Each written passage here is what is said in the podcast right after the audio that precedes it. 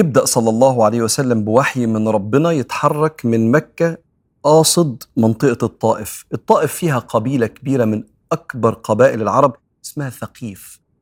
أخذ معاه زيد بن حارثة اللي وقتها النبي كان متبنيه وكان اسمه زيد بن محمد وبدأ يتحرك والعلماء بيقولوا إن سيدنا النبي عليه الصلاة والسلام راح مشي لأنه كان لو كان راكب على الراحلة بتاعته ممكن مكة تفهم إنه مسافر فممكن تتبعه فما حبش صلى الله عليه وسلم إنه يلفت نظر حد فخارج مع ابنه بره مكة فالناس شافته وسابته يتحرك. 100 كيلو أو أكتر شوية رايح لعبد ياليل ومسعود وحبيب ولاد عمرو بن عمير بن ثقيف دول سادة ثقيف. راح صلى الله عليه وسلم وصل وقعد معاهم كلمهم عن ربنا وعن دعوة الإسلام. وعن الآخرة وعن ترك عبادة الأصنام ودعاهم لصدق الحديث والأمانة وألا يأكل القوي الضعيف وحسن الجوار وترك أكل الميتة أخلاق الجاهلية اللي أي حد يتكلم فيها أنت الطبيعي إنك تستجيب له فطرتك ربنا خلقنا بنستجيب للكلام ده. فالتلاتة كل واحد حب يستهزئ.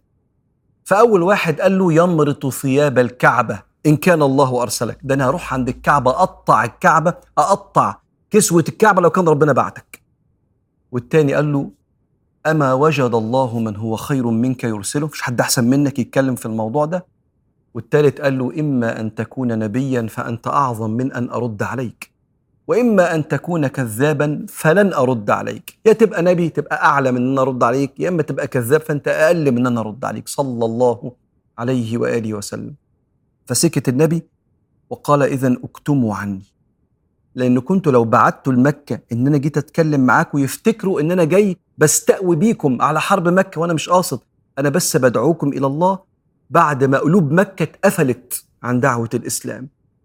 قالوا له نسكت ونكتم عنك. ده إحنا هنبعت اللي يقول لمكة أنت كنت عندنا.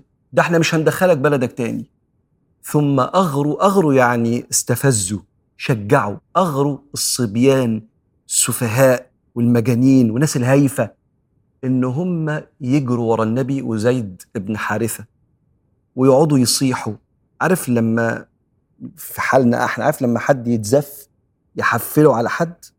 جريوا ورا سيدنا النبي اللي بيضرب بالطوب واللي بيضرب بالتراب والصوت عالي واللي بيشتم.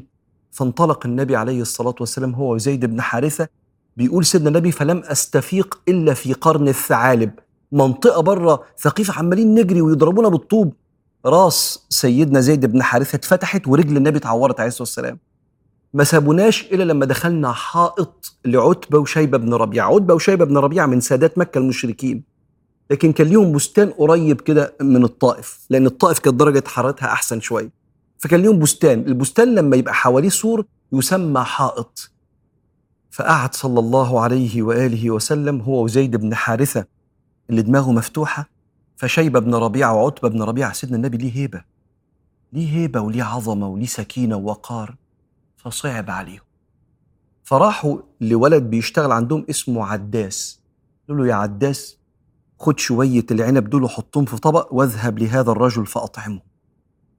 فراح عداس وقعد تحت رجل النبي عليه الصلاة والسلام وأول ما قعد كده قال له اتفضل كل العنب ده. فقام صلى الله عليه وسلم واخد عنباية وقال بسم الله. فعداس قال له بسم الله. هذه الكلمة لا يقولها أهل هذه البلاد. فسيدنا النبي حط العنبة كده وقال له من أي البلاد أنت يا عداس؟ قال من نينوى قال من نينوى سيدنا النبي يقول كده. من نينوى بلد الرجل الصالح يونس بن متى؟ فقال وما لك ويونس بن متى؟ تعرف يونس منين؟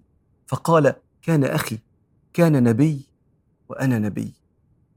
راوي القصة بيقول فانكب عداس على قدم ويد ورأس النبي يقبلها ويشهد أنه رسول الله.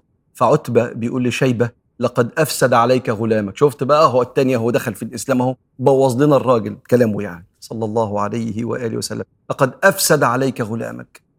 وقام عداس وهو مؤمن بالله ورسوله وسيدنا النبي خاطره منجبر إن في إنسان استجاب لدعوتي.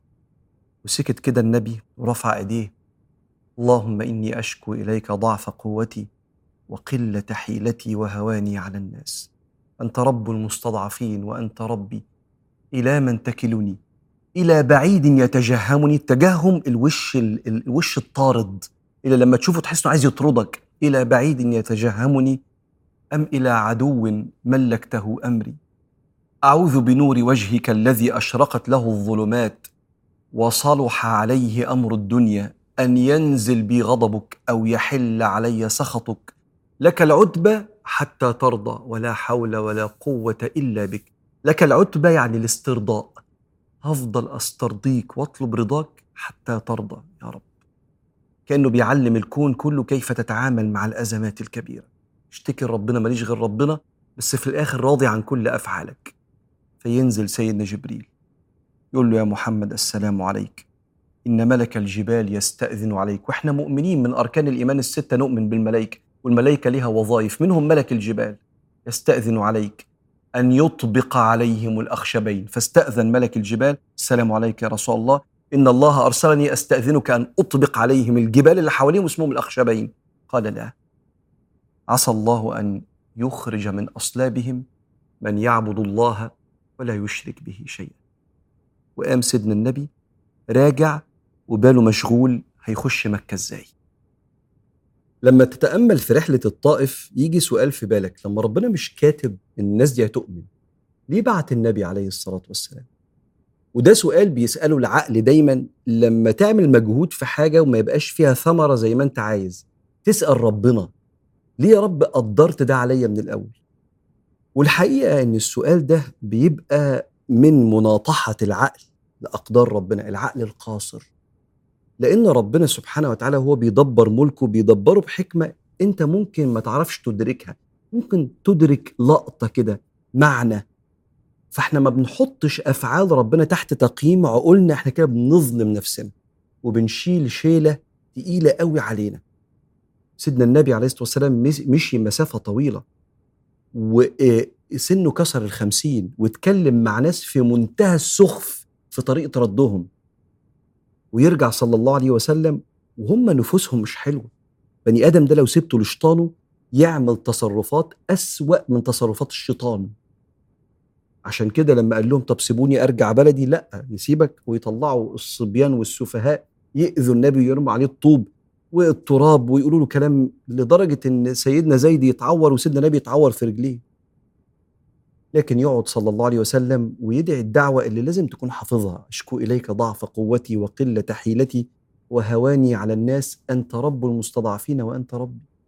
دعاء تسخير الأكوان دعاء جبر الخاطر. اللي حصل بعد كده كله جبر خاطر للنبي. من إسلام الولد الصغير اللي ما نعرفش راح فين بعد كده. ولو ربنا سبحانه وتعالى كان يهمنا نعرف راح فين كان حكى لنا. وحفظ قصته زي ما حفظ تفاصيل كتيرة في القرآن والسنة. لكن يبدو إنها كانت طبطبة على قلب النبي اللي فرحته لو شاف إنسان بس بيشهد أن لا إله إلا الله وأنه رسول الله. وبعدين الكريم إذا قدر عفا ينزل ملك الجبال أكوان تحت سيطرة ربنا نطبق عليهم الأخشبين ما فيهمش فيها خير في ما فيش فيهم خير لا يا رب. نبي قدامه راجل ستيفن كوفي في كتاب ال Seven Habits عادات السبعه يقول لك من العادات إنك تخلي دايما keep the first thing first. دايما أهم حاجة تفضل أهم حاجة. صلى الله عليه وآله وسلم. لا يقارن بأحد طبعا بس أنا بقول لك يعني بص المعلومات موجودة عند الناس كلها وأصلها نور النبي عليه الصلاة والسلام. دايما قدام النبي الهداية. نطبق عليهم الاخشبين لا.